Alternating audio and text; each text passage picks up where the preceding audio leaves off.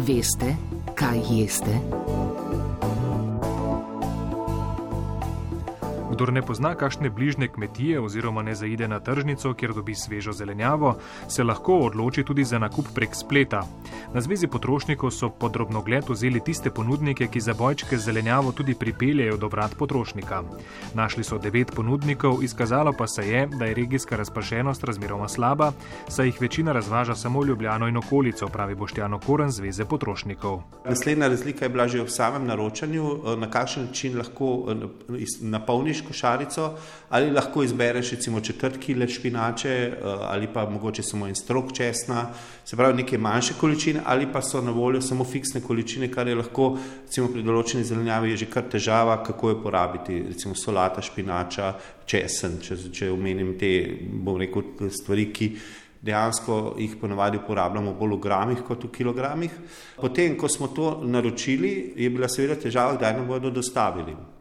In uh, ta dostava je lahko, je samo v enem primeru bila res naslednji dan, v vseh ostalih primerih so to neki dnevi, ko oni dostavljajo. Se pravi, se moraš nekako prilagoditi. In zdaj, če ne, uh, ne vem, naročaš v četrtek in oni dostavljajo v sredo, pomeni, da si cel teden brez zelenjave in pomeni, da je treba to nekako načrtovati vnaprej.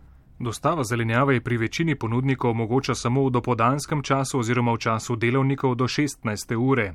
Dostavljavci to rešujejo tako, da zabojčke z zelenjavo pustijo pri sosedu ali pred vhodnimi vrati. Se pa zna zaplesti pri plačilu, možnosti so namreč zelo omejene. Če gledamo iz stališča nekoga, ki je že nakupoval po spletu, je verjetno navaden, da plača naprej, nekako s kreditno kartico, lahko tudi s predračunom, PayPalom, skratka na nek oddaljeni, brezkontaktni način, ampak to ponujejo zelo redki.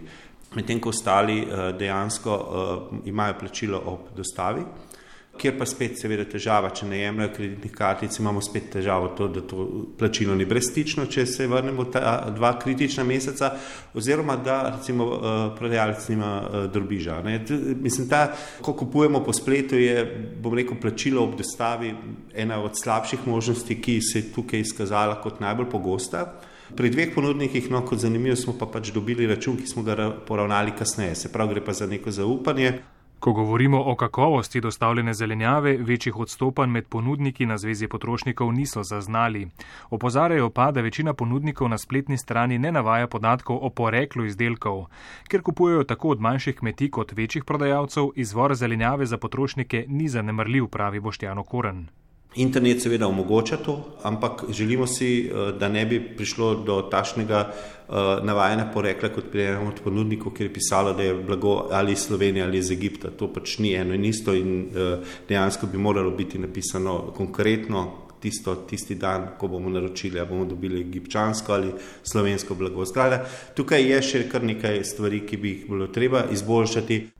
Spletna prodaja in dostava zelenjave vsekakor lahko postane uspešen način prodaje sveže zelenjave, za kar pa bodo potrebne tudi določene prilagoditve potrošnikov. Ti se morajo zavedati, da je zelenjava sezonskega tipa, kar pomeni, da morajo najprej pregledati ponudbo in na to načrtovati obroke, ne obratno. V sklopu testa so pri Zvezi potrošnikov naročili devet izdelkov: solato, čebulo, česen, krompir, zelje, brokoli, bučke, korenje in špinačo, le polovica ponudnikov pa je dostavila vse izbrane izdelke izdelke. In tukaj je pač zadeva lahko um, potem kritična, če, če pričakujemo, da bomo nekaj dobili, pa potem ne dobimo. Naslednje, kar pa je, je pa, mislim, da je zelo pomembno, da bi tudi ti ponudniki se nekako združili, nekaj takšnih tržnih že imamo, pa so bolj ali manj narodno, uh, bom rekel, uh, narejene. Eh, se pravi, da kupuje potrošnik na enem mestu, dobi pod različnih ponudnikov. Ne. Zdaj mi smo ugotovili, da je ena od takšnih tržnic to počne tako, da potem potrošniku dobavljajo ponudniki sami in uh, zaradi tega on dobi dve, tri dostave, kar je seveda spet lahko zoprno. Uh, pa tudi ni stroškovno učinkovito, da se trikrat pač vozi po kilo dve zelenjave na eni nist naslov. Uh, Jaz mislim, da bi bilo zelo dobro, vsaj znotraj regije, organizirati kakšne takšne rekel, trž, tržnice oziroma ponudnike, ki bi zbirali to zelenjavo in jo potem naslednji dan mogoče pripeljali potrošnikov z različnih kmetij. Ne. Podrobnosti primerjave lahko najdete na spletni strani www.potrošnikovzum.si. Veste, kaj jeste?